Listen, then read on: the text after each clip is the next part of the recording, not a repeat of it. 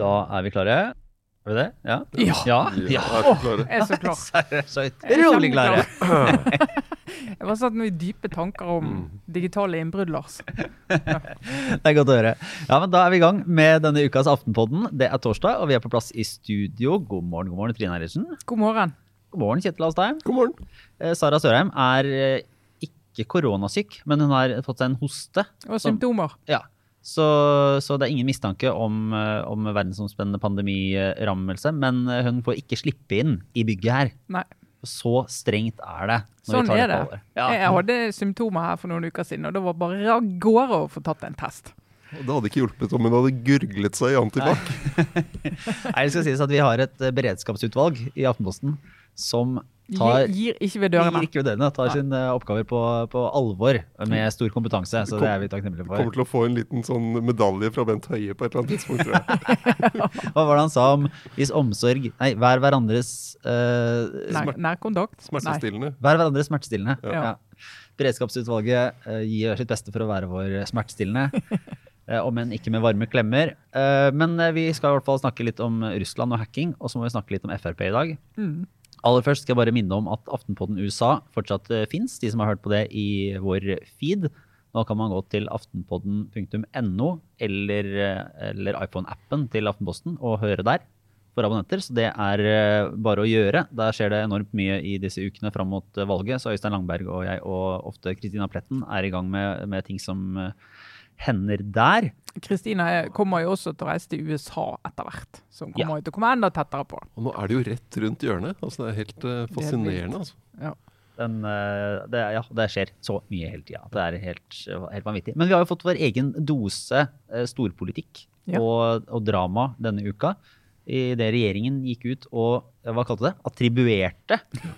Altså de attribuerte Skyldte på, kan man eh, ja, kalle det. på eh, Russland for denne hackingen av Stortingets e-poster som, eh, som skjedde litt tidligere i høst. Ja. Og utenriksminister eh, Søreide var da måtte, tydelig ute. Dette kan vi ikke akseptere. Erna Solberg også eh, slår fast. Fyr Russland. Skjerp dere. Ja. Mm. Så er spørsmålet hvor er vi del av en nå cyberkrig liksom, med Russland? Hvor alvorlig tar dere dette her? Ja, altså jeg satt og tenkte på det um, i går, så tenkte jeg altså Før vi hadde noe å hacke i, i dette landet, se for deg at noen kommer med en sånn uh, hummer, forsterket hummer, kjører gjennom døren inn i Stortinget. Inn på kontoret til stortingsrepresentanter, river ut arkivskuffer, tar med seg dokumenter, løper ut, og så stikker av. Det hadde, det hadde jo vært sant, en gigantisk skandale, men det er jo det de har gjort. Sant? De har bare liksom brutt seg inn, hentet uh, informasjon fra stortingsrepresentanter i forsvarskomiteen, som sitter på veldig veldig, veldig mye hemmelig informasjon. Vi får håpe de ikke driver og mailer sånn usikkert, uh, usikkerhet om det. Uh, men det er jo et innbrudd. Mm. Sånn at det, det er alvorlig. også kan du si hva, hva betyr det for forholdet vårt til Russland? Og da tror jeg mange vet at dette foregår jo. Noen ganger får vi vite mye om det, og noen ganger får vi vite litt om det. Men det er jo reaksjonen denne gangen som er annerledes. At regjeringen går ut på denne måten og er så sikker på at de vet hvordan det henger sammen, at de faktisk går ut og peker på de Ja, for å ivareta Russlands samtidige imøtegåelse, så nekter jo de for alt og mener at dette er et, eh, en ondskapsfull eh, uttalelse og et slags bakholdsangrep fra Norge. Ja, og det er også gang- som det pleier ja. å være, egentlig. Ja. Ingen overraskelse der. Nei, men det er jo, Du har jo sett i sikkerhetsvurderingene, så er det jo pekt veldig eksplisitt på uh, Russland og Kina som trusler. Så det var jo hovedmistenkte som de, de gikk etter. Og så vet vi jo lite om akkurat hvordan de har, har uh, greid å spore det, eller hvor mye de, hvor mye, hva de bygger det på. Det, det har vi jo ikke innsikt i. Men eh, det er jo lett å bli liksom blasert på at etterretning er etterretning, og, og Mm. Russland driver med alt dette hele tida. Sånn, men det, det er jo et eh, steg videre med et sånn tydelig eh, angrep også mot Stortinget. Altså, Ja, en kan, ja, måte- vet jo at de driver liksom på innimellom og sikkert kan, Mm. eh, kan hacke her og der. Og man har sett eh, Le Bureau og de sitter på liksom laben sin borti Russland og, og, og kødder det til for, eh, for deler av verden. Men eh, det er jo noe Jeg antar at russerne ja, De hadde kanskje ikke ønska å bli, bli tatt i dette her, men det er jo en risiko for å bli avslørt, selvfølgelig. Mm. Og, og da er det jo et ganske sånn åpenlyst ja, angrep på demokrati og det vi vil, da, er det ikke det? det for å bruke litt store ord? Jo, altså hvis, Dette har jo skjedd i Tyskland, og det har skjedd i Nederland, og det har skjedd i, hvor de har gått direkte på nasjonalforsamlingen. Uh, og det er i hvert fall De som Aftenposten har snakket med, sier jo at noe av det grunnen til at de gjør dette, er å se om de kan finne informasjon så du kan uh, presse representanter med. Jeg vet at, at, du og du driver med det. Det kan jeg godt fortelle verden om, med mindre du nå prøver å jobbe for en politikk i vår retning. Det er jo klassisk sånn spionasjerekruttering, egentlig. Eller agentrekruttering, eller hva vi skal kalle det.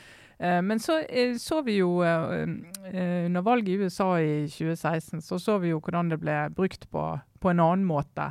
Eh, der Russland hacket demokratenes, eh, noen e-poster hos demokratene. Eh, og satt på en del av den informasjonen, tok litt ut. Men så var det jo de som er veldig interessert i dette, må se 'Agents of Chaos', en dokumentar på HBO som egentlig handler om hvordan Russland jobber med den type hacking. Og det handler om mye, De, de går inn i denne påstanden om samarbeid mellom Trump-kampanjen og Russland. Eh, og da Eh, handler det veldig mye om Russland sine metoder. Uh, som er, Du har uh, Putin på topp, som ikke er borti dette. Han personlig sitter jo ikke og liksom Du kan, du kan se for deg liksom, Her er en sak, vi skulle ikke bare hacke. Altså Han er ikke borti det, så du vil aldri kunne treise det sånn til han personlig, eller han, de rundt han som personlig, men du liksom ser at det er noe nivå under der, der det foregår ting både på innsiden og utsiden av systemet. Og GRU på innsiden av systemet, den etterretningstjenesten, og så har du en del andre sånne aktører på utsiden som har tette bånd, og de diskuterer det.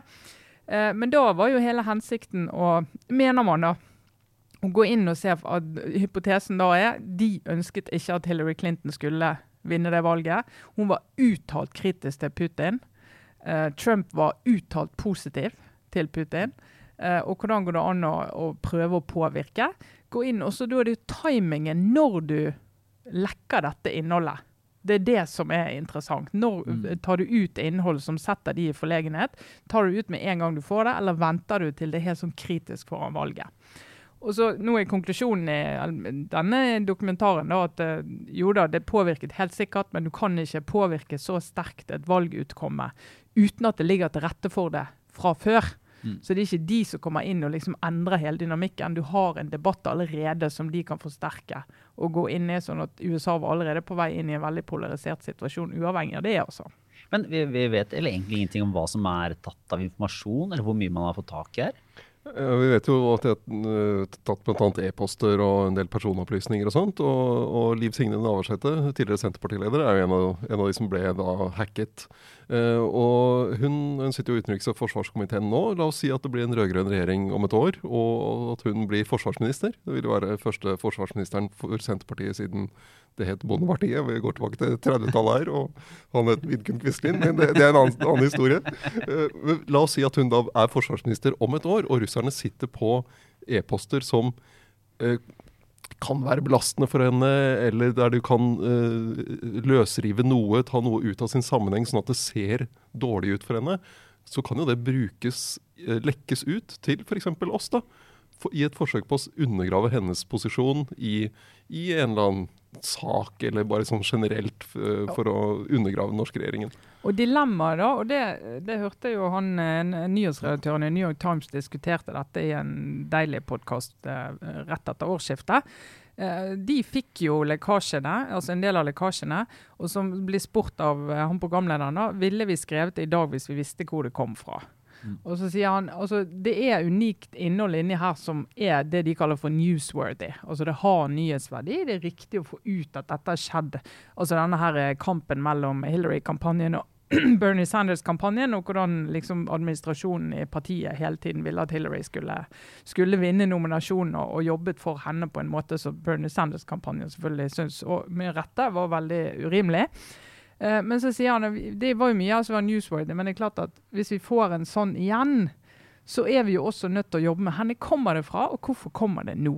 For det er en del av. Og det er jo det som kunne skjedd da, var jo at vi fikk en sånn lekkasje, og uten at vi kunne forstå at, det, at det var, den var hentet ut av et annet land. Kommer ikke nødvendigvis med frimerke og liksom, hilsen. From Russia with love. Det er jo ikke sånn det fungerer, men det kunne kommet fra en, en, en norsk kilde. Eh, som sa at dette jeg fått tak i. Eh, jeg vil ikke si hvordan jeg har fått tak i det, men eh, det er mye interessant. Jeg gjør med det hva dere vil, liksom. Mm. Og så sier vi ja, men hvor har du fått det fra? Nei, altså jeg har jo også kilder jeg må beskytte, så det, det, vil ikke jeg gå inn i. Og så sitter vi og sier ja, men dette er jo denne informasjonen om Liv Signe Navarsete, da, har jo folk rett til å vite. Eh, Vi må få det ut, og så er det kanskje rett før de skal i en samtale med Russland, eller rett før de skal legge frem noe for Stortinget, eller noe sånt, sånn at du kan påvirke. Og vi kan bli, Det kan bli eh, brukt. brukt ja. i den sammenhengen. Og så det, det er kjempedilemma.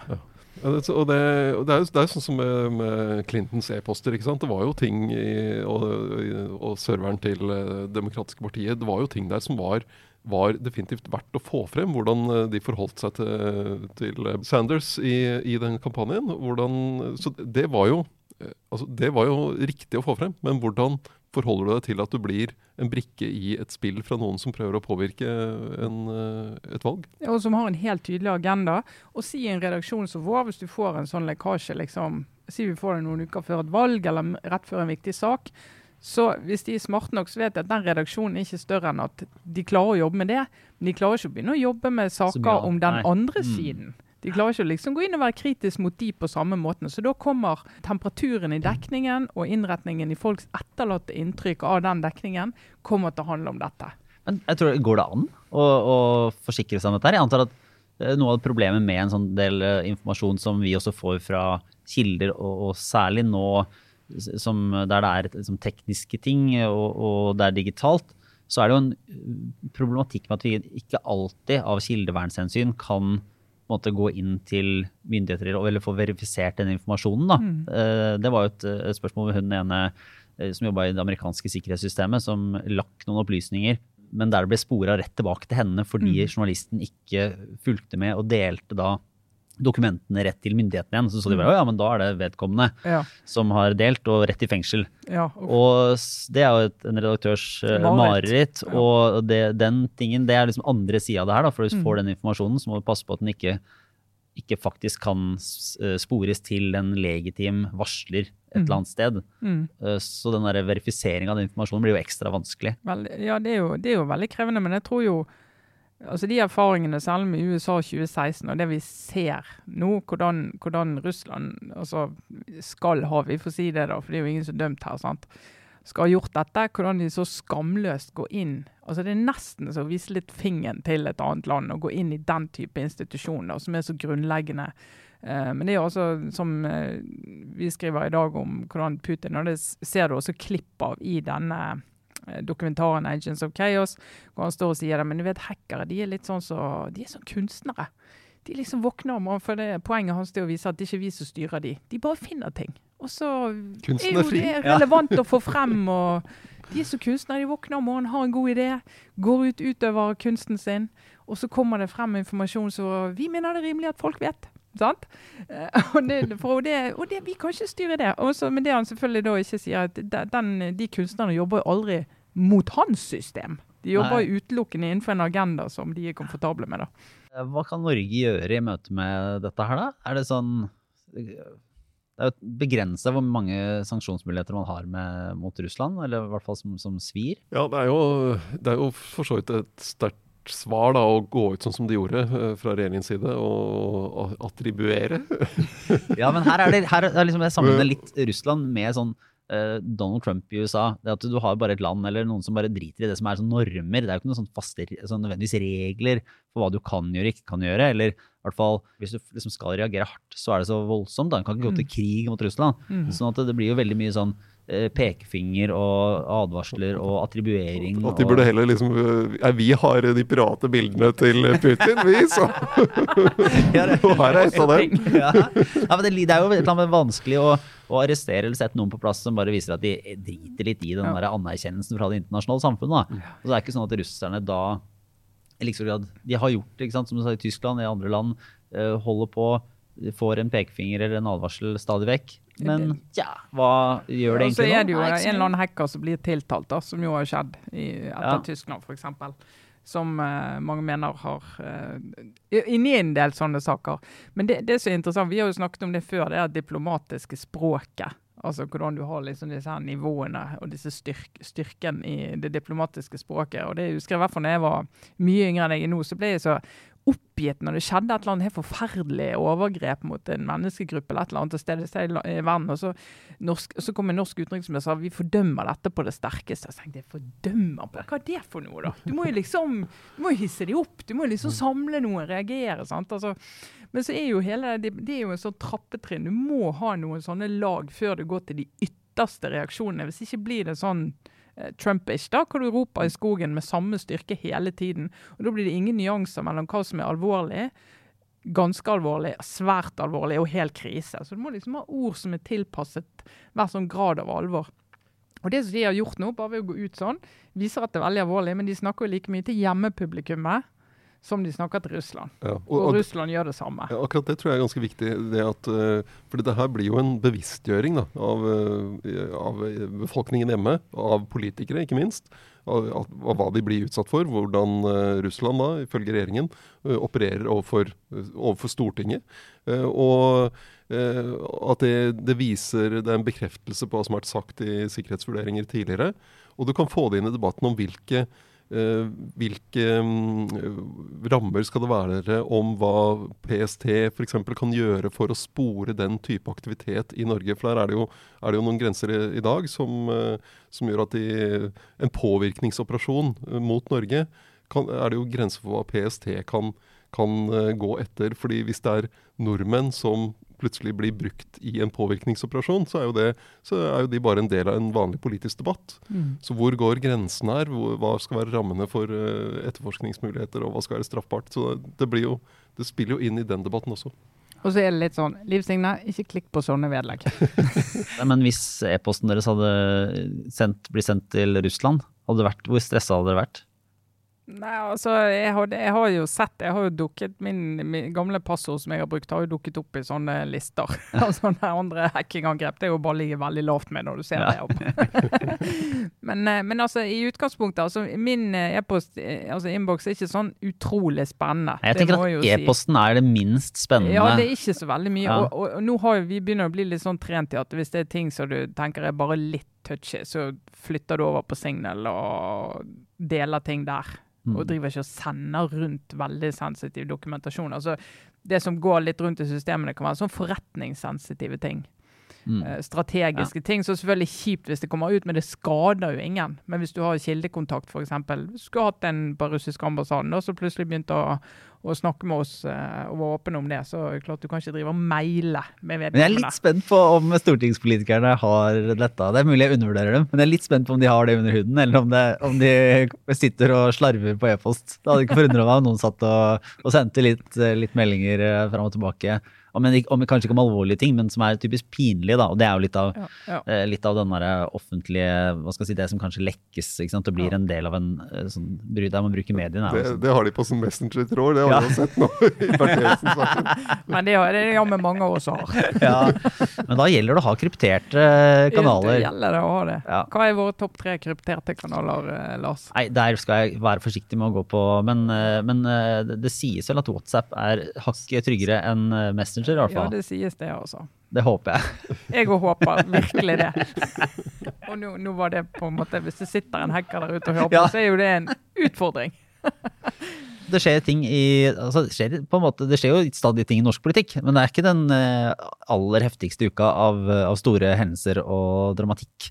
Men vi går inn i en helg som fanger opp nok av disse, nok et av disse utsatte landsmøtene. Koronalandsmøtene. Ja. ja som man går inn i med litt mindre forventning og, og, litt mindre hype enn tidligere. Nå er det Frp som skal ha sitt endags eh, landsmøte på var det syv ulike steder rundt om i landet, mm. Eh, og samla da digitalt. Og jeg tenkte det var en anledning til å, å, se litt på hvordan Siv Jensen egentlig har fått det til etter at de gikk ut av eh, regjeringa. Det ble for grått og kjedelig. Nå har de hatt muligheten til å fargelegge sjøl på utsida, i hvert fall i en slags støttefunksjon. Hvordan, eh, hvordan har det gått med dem? Nei, de, gikk, ja, de, gikk jo, de gikk jo ut i slutten av januar, og så gikk de kraftig opp på målingene i februar. Og så kom koronaen, og da gikk det kraftig ned igjen. Eh, Men nå i høst så ser det ut som de siger litt oppover og har lagt seg på et uh, høyere nivå enn de, de var på f.eks. for et år siden. Da er det vel 3 prosentpoeng høyere. Hvor er de henter velgere fra nå? Er det Stuen, eller er det andre partier? De henter nok uh, Nå har jeg ikke sett på bakgrunnstallene på den siste målingen så nøye, men de har jo gitt fra seg velgere til uh, mange til Senterpartiet, og så er det jo alltid en utveksling mellom Fremskrittspartiet og Høyre. Mm. Så det er eh, Jeg tror nok det er eh, en viss Jeg tror nok det, det gir en viss trygghet i partiet for at de valgte riktig ved å gå ut. Det var litt spennende da de, da de gikk ut, og det har jo egentlig ligget sånn i hele regjeringsperioden, den der kampen mellom regjerings-Frp og det mer sånn populistiske opposisjons-Frp, som, har, eh, som har drømt om å- å ja, være litt hardere i klypa, stå og, og rope litt høyere. Og, og det var jo kanskje en forventning om at den fighten skulle bli tydeligere når de gikk ut av regjering. Mm. Eller at det, på en måte fram mot valget neste høst, så, så vil det utkrystallisere seg. De må velge en retning, da. Om de skal gå videre på en sånn regjerings-Frp, eller om de skal gå mer populistisk eller, eh, eller opposisjonspolitisk til verks. Men det er vel ikke sånn veldig avklart, den der? Altså Det er ikke sånn at den fighten har utspilt seg i, i veldig stor offentlighet i de månedene vi har hatt nå? Nei, de hadde jo vedtaket her i september om eh, regjeringsstrategi som er sånn eh, egentlig bare vi, vi skal ikke Vi støtter ikke en regjering vi ikke er en del av. altså Det samme som de sa før de gikk inn i regjering i 2013. Og som egentlig ikke er noe svar på hva som er, hva er ambisjonen. Vil de, søker de regjeringsmakt, eller, eh, eller gjør de det ikke? Men, men det Mitt inntrykk er at de bare dytter det unna, og at de holder det vekk. Nå handler det om å komme seg så høyt som mulig uh, uh, frem mot stortingsvalget neste år. At det er det som er, øh, det er det de jobber med nå. Og så tenker jeg den eh, spenningen som jo er i det partiet, Uh, som i alle partier som har litt fløyer, da, blir jo veldig mye tydeligere når du er i regjeringen når du er utenfor. For I regjering blir du hele tiden utfordret på det. Ja, dette mener regjeringen, men uh, han der, der mener jo noe annet. Og hvordan håndterer dere det? Og skal du sette foten ned, kjære partileder? Og, mens når, når du sitter på Stortinget, så blir ikke det så satt på spissen. Så jeg tenker at Frp er jo ganske vant til den eh, problemstillingen. Har hatt Mm. den alltid. Har de hatt en gjeng som har vært litt mer ute i det nasjonalkonservative, og så har de hatt de andre, da. Men eh, det som er interessant, er jo nå i budsjettet. Når de skal begynne å snakke om eh, flyktninger, kvoteflyktninger, tallet på de, altså i hva grad det blir. Hva tror du, Kjetil? Hva grad blir det brukt til å markere? Ja, det, altså, de, de har vært veldig tydelige på altså, kvoteflyktninger og bistand, øh, sånne ting, som øh, vi snakket litt om i forrige uke, tror jeg. Og så blir det litt spennende hva de Nå har de jo fått hele budsjettet, og så kommer lista kommer til å bli lenger med krav. Eh, men eh, eh, da Sylvi Listhaug var ute og hadde en uttalelse som ble tolket som at hun stilte et ultimatum, så var jo hun selv ute og korrigerte seg på at vi stiller ikke, og, og det er sjelden at hun gjør, øh, på noe hun har sagt. Eh, så det er øh, Jeg tror nok de, de det, som, det virker som Siv Jensen har en slags styring på dette. Hun, vil ha noen veldig, ty, hun har veldig tydelige og skarpe krav. Det kommer til å bli vanskelig, men hun kjø, styrer ikke mot et brudd eller mot en kollaps. Men der var det jo litt interessant Det blir interessant det å se. er andre partiet som, som kanskje kunne tenkt seg det og mente at uh, nå kan vi like gjerne velte hele regjeringen og så prøve å få mest mulig ut av det. Og det var jo de som, hva skal si, din uh, regjeringspolitikere også sånn i vår, som var liksom bekymra for hvordan det kunne gå, og hvordan Frp ville oppføre seg utafor, og kanskje litt skeptiske til Sylvi Listhaugs eh, plan for, for hvordan hun ville ta, ta partiet videre. Så var jo spørsmålet hvor, hvor lojal vil Listhaug være i budsjettforhandlingene i høst? Sant? Og, og vil hun da eh, har, har muligheten til å, å være så, så retorisk som har, eller være vanskelig, og for å gjøre den prosessen vanskeligere enn det Siv Jensen egentlig ønsker. Eh, ja, nå har ikke vist seg helt ennå hvordan det blir, men det kommer jo nå i ukene som kommer. Det, det gjør det, men øh, jeg syns det virker som de er i hvert fall per nå ganske godt uh, altså, samkjørt, da, øh, Sylvi Listhaug og, og Siv Jensen. Og så uh, er det jo grenser for hvor hardt uh, en Sylvi Listhaug-fraksjonen kan kjøre òg, da. På det å kjøre mot et regjeringsskifte eller en, en regjeringskrise, og eventuelt gjøre Jonas Gahr Støre til statsminister. Det er jo noe hun har i hvert fall sagt at hun skal kjempe imot, med å bruke livet sitt på, faktisk. Nesten. Som I den talen da hun, da hun måtte gå av eh, som statsråd. Så, så det er jo grenser for hvor langt hun også kan gå i den, den retorikken. Og så er det vel, eh, innbiller meg, at det kanskje er større strekk i på en måte liksom opposisjons-Frp nå enn det det var da de satt i regjering. At på en måte så var det fall lettere å knytte Sylvi Listhaug til eh, flere av de andre liksom, tydelige stemmene eh, den gang. Altså en Per-Willy Amundsen og en Christian Tymring-Gjedde. Mm. sånn, Men nå i høst så har vel de De har jo på en måte beveget seg enda mer ut i De har jo brukt en del tid på å sitte i retten eh, Ja, eh, og snakke om ting de er opptatt av. altså, men de har jo, de har gått, gått enda lenger ut i den harde Facebook-meldinger og, og delvis eh, ja, ja, jeg vet ikke om jeg skal karakterisere det for mye. Men, men der Sylvi Listhaug har tross alt har vært eh, ganske tett på ledelsen. da. Så sånn sett så er det, der, det at det er en fløy i Frp som vil det ene, den står kanskje mindre som tydelig fløy. Det er, det er jo Carl I. Hagen som mer eller mindre leder den fløyen nå. Ja, og det er jo, altså, det er jo et tydelig bevis på at den fløyen ikke er helt ubetydelig. da, Når han når kan bli nominert som nummer én fra Oppland og nummer tre fra Oslo. Eh, og han har jo vært konsekvent illojal nå mot Siv Jensen i, i flere år. Og, så, så det sier jo noe om at uh, du, du har folk i, i det partiet som, som eh, tenker litt annerledes. Der, men der, det Hvis du snakker med en del i Frp, så er det jo eh, i hvert fall på grasrota, da, så kan du møte de som støtter både Carl I. Hagen og Siv Jensen. Og ikke, eh, en del av de, jeg vet ikke om det er ikke fordi de ikke ser det, eller fordi de ikke tar det helt på alvor. da, Men sier nei, men eh, Siv Jensen er bra, og Frp er fint å ha det i regjering, men det er viktig å ha Carl der, så han kan eh, klø de litt og fortelle litt når det går over stokk og stein. Litt, litt yin og yang. Ja, ja, Det ja. hadde vært spennende da, med 2020 hadde jo levert virkelig, hvis det ble en regjeringskrise nå på slutten av året, og Frp gikk inn og også innsatte Jonas Gahr Støre. Ja, hvem hadde det gagnet? I hvert fall ikke Senterpartiet, det kan vi i hvert fall slå helt Nei, det tror jeg er en Og strek i Høyre. for ja, Ikke Høyre, for da vil de jo miste det koronastyringstillegget som de har nå. Ja. Og, og Senterpartiet har jo, de har jo, er jo har gode jo i en flyten. plan, ikke sant? de, har de en plan. leverer jo på Ja. plan. Men den som kanskje kunne trengt det, er jo Jonas Gahr Støre. Ja. Men se på målingene nå, så går det jo Det er Forferdelig, vet du. forferdelig. Det går jo, siger jo nedover. Jeg tror de ligger på 21 eller noe sånt på snittet nå. Tro- 22. Tror du det blir- går opp eller ned når Jagland-boken kommer neste uke? Bind én, faktisk. Får man da inntrykk av at det er harmoni i Arbeiderpartiet, eller får man ikke inntrykk av det? Det er ikke Godt å si. Det er ikke godt å si. Jeg husker at det, det, Han var jo nesten på 36,9 da. da Han var det, så den gangen hadde de jo mye å snakke om. ja. Ja, for Det har jo vært snakka om lenge at uh, og for et mareritt vil være for Jonas Gahr Støre å måtte ta over midt i perioden, eller ta over nå. Da, Ja. At det er en, en negativ ting. Men nå går det så, nå er det litt sånn ja, Nå går alt så gærent. Han kan like gjerne bare Det kan jo eh, ikke gå styre litt. på en måte. Ja, nå er det ganske kort, altså nå er det jo, Hvis det skjer i høst Jeg tror ikke det skjer, det, men hvis det skulle skjedd i høst, da sent i høst, vil det bli nesten eh, opp i nyttårstalen, så vil det være ganske kort tid igjen før valget. Eh, og det, da vil det være sånn OK, det var et borgerlig sammenbrudd. ikke sant, De greide ikke styre landet. Og så overtar da Jonas Gahr Støre midt fortsatt i en pandemikrise og får holde alle disse daglige pressekonferansene. Det kan tenkes at det var akkurat den, det han trenger nå, altså. Ja, det, da, da vil året fortsette å, å vise seg fra sin mest dramatiske side. Det, det er vel kanskje ikke så veldig sannsynlig. Nei, Jeg lurer på om vi fortsetter inn i en runde med obligatorisk refleksjon. Jeg. Ja, jeg vil gjerne anbefale litt, jeg, da. Ja, Det- eh, det setter da- pris på. Da vil jeg først anbefale, og så skal jeg ta en anbefaling ut av anbefalingen. Oi. Hvis du skjønner denne kinesiske esken. jeg er ikke sikker på om jeg skjønte den. Den eh, kinesiske esken jeg nå bygger opp. ja. Nei, det første jeg vil anbefale, det er en podkast som heter eh, The Book Review Podcast. Det er New York Times sin. De, har jo, de er jo kjent for sin eh, bok, eh, boksatsingen sin, eh, som kanskje er verdens beste. Eh, de eh, forholder seg til bøker på mange ulike måter, men de har en podkast som jeg vil anbefale. Der, der de forfatterintervjuer, og det er sakprosa, det er romaner, det er diverse. Er veldig, veldig OK å høre på.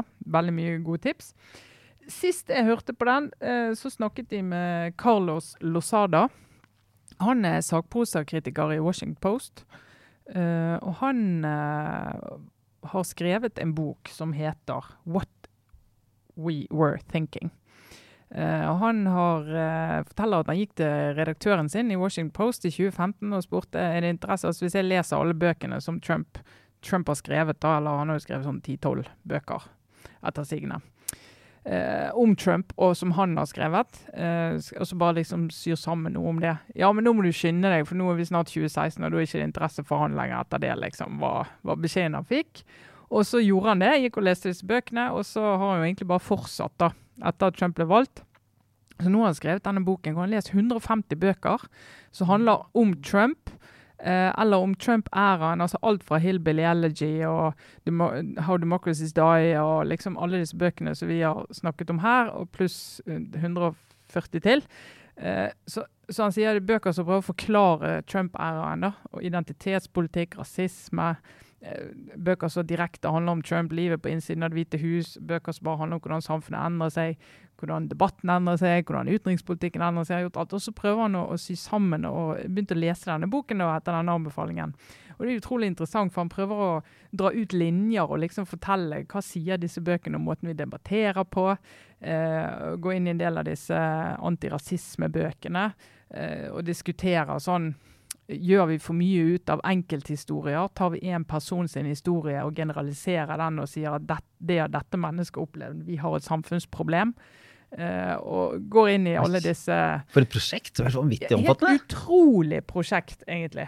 Og veldig krevende å stable tanker inn i dette. Men i hvert fall, Jeg har jo ikke lest den ferdig, men det lille jeg har lest så langt, gjør at jeg tenker jøss, for en idé! For en spennende idé, og, og gøy å lese. altså. For han har jo sinnssykt mye referanser, og det er jo bøker du får, får lyst til å lese. da. Hæ? Og det forteller han også da om i denne episoden av The Book Review? Ja, der blir han intervjuet. altså The Book Review forrige uke. Da forteller han om, om dette prosjektet, så, så anbefaler det. Så her begynner man med å høre på en podkast, så leser man en bok, og så, så leser man 150 bøker til!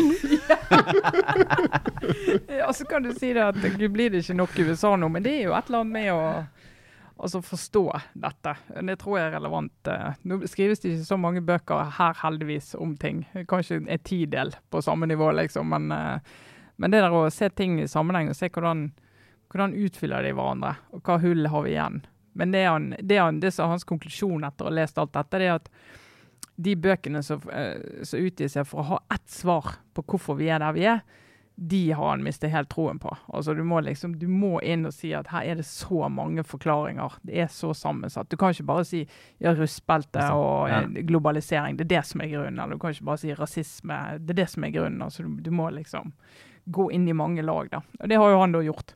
Hæ, fascinerende.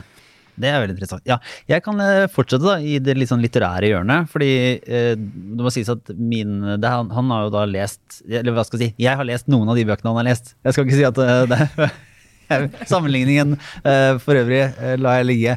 Men jeg har lest mye sånn faglitteratur, eller sånn samfunnsting, de siste, egentlig siste åra. Men nå har jeg blitt sånn ordentlig fanga opp av en skjønnlitterær bok. Og det er så, det er så gøy. Og den er ikke helt fjernt fra et sånn samfunnsmessig perspektiv, men det er også det som heter uh, Wolf Hall-trilogien til uh, Hilary Mantel, som nå har fått Jeg tror hun fikk den der uh, britiske Booker Prize for de to første bøkene, og den tredje boka ble nominert. Den går inn i 1631 og følger da Thomas Cromwell og går inn på liksom, livet til Henrik den 8 og hans koner, og, og går liksom midt inn i storpolitikken ved hoffet der, om hvordan spørsmålet om eh, måte, pavemakt og politisk makt eh, skal løses. Og det er, det er, masse, det er liksom, som, eh, det er på en måte som en sånn House of Cards bare plassert i 1631 og skrevet veldig veldig godt. da, mm. Og tar en del, mange sånne politiske dilemmaer som strømmes inn i historiefortelling. Og jeg kan, jeg kan måte nok om historia til at jeg har en anelse om hvor ting går. Jeg, hørt, jeg vet at det kommer til å bli flere koner, i hvert fall. Men jeg kan det ikke helt godt nok til at jeg at jeg vet hva som har skjedd. da. Nei. Så Det er en bok som får meg til å lese, ville lese mer om den faktiske historien i etterkant, men det er, det er, tre svære bøker, så Den, den eh, kjenner jeg at jeg har lyst til å gå inn i, og da vil jeg supplere litt fra, fra et helt annet sted. Jeg har nevnt det før, The Noble Blood-podkasten, som forteller historien til hver og en av konene til Henrik den 8. Det gikk jo sånn passe med de. Ja. Uh, og det er jo et fint supplement. Jeg kan tenke meg at det passer bra. Ja, det tror jeg passer veldig veldig bra. Men Lars, jeg trodde du var mest på sånne bøker som kan tygges på. ja, skal vi se, Den andre klassikeren som eh, foregår hjemme nå, er en som eh, er, du kan eh, vippe til siden en sånn liten uh, pappsak og vise fram et uh, husdyr, og så trykke på en liten knapp, og så lage en da, til en, uh, en ku, en sau, en gris, en hest og en gås. Vi, vi konkluderte rett før sending at ja, men ingen kan anklage oss for å ikke være mangfoldige her. Vi sitter med Lars har da en som nettopp har lært å sitte. Jeg har en som nettopp har begynt å bruke hårgelé. Og Kjetil har en som nettopp har utgitt bok. så vi er, vi er litt forskjellige enda tauet. Aldersmessige segmenter. Ja. Ja. Nei, så i hvert fall Den Wolfall-trilogien til Hilary, Hilary Mantel kan anbefales. Det er, det er spennende og gøy å lese. Og noe eh, sånn en, eh, Inn i en verden som ikke Det er ikke noe sånn fantasy. Så er det en faktisk verden. Det kan jeg jo Herlig. berolige deg med. Det er vi veldig glad for å høre. Så det, men det er bare en annen tid. Og veldig fascinerende. Så den anbefales. Åssen er det med deg, Kjetil? Jeg har sett den uh, nye serien på NRK Norsk-ish. Eh, som, eh, som jeg syns var, var veldig god. Altså, det er, eh, av og til trenger man å se sånne serier med litt sånn korte episoder. Det er veldig deilig. Halvtime cirka. Ja, sant? jeg tror det er 22 minutter eller noe sånt. Og så er det, det, er liksom, det er mye Oslo, og det er uh, flinke folk og gode historier. Det handler jo om uh, andre generasjons Uh, eh, altså med innvandrerbakgrunn. Og, og så det da de, de foreldrene Ja. i den serien. Veldig fascinerende. Det er veldig, altså, veldig fine scener og flinke skuespillere, syns jeg. Jeg har ikke sett den ennå. Jeg har, har tenkt å se den. Men sett eh, hvor mange episoder? eh, Åtte, kanskje? Åtte, kanskje. Ja, Ja, og litt sånn eh, mye gjenkjennelig sånn med søskenforhold, blant annet. Ja, ja. som, er, som er ganske gøy. Veldig, ja. Men det er jo det dilemmaet mellom altså røtter og foreldre. Og de foreldrene, det er jo stort spenn der òg, må man du kunne si. Så Ja. det er ikke noe sånn der helt, Det er ikke noe sånn sjablongopplegg. Du ser liksom masse forskjellige problemstillinger. Mm. Spennende. Kult. Ja, men eh, Da tror jeg vi runder av for denne uka. Det var Aftenpåden. Vi er tilbake neste uke. Ha det bra.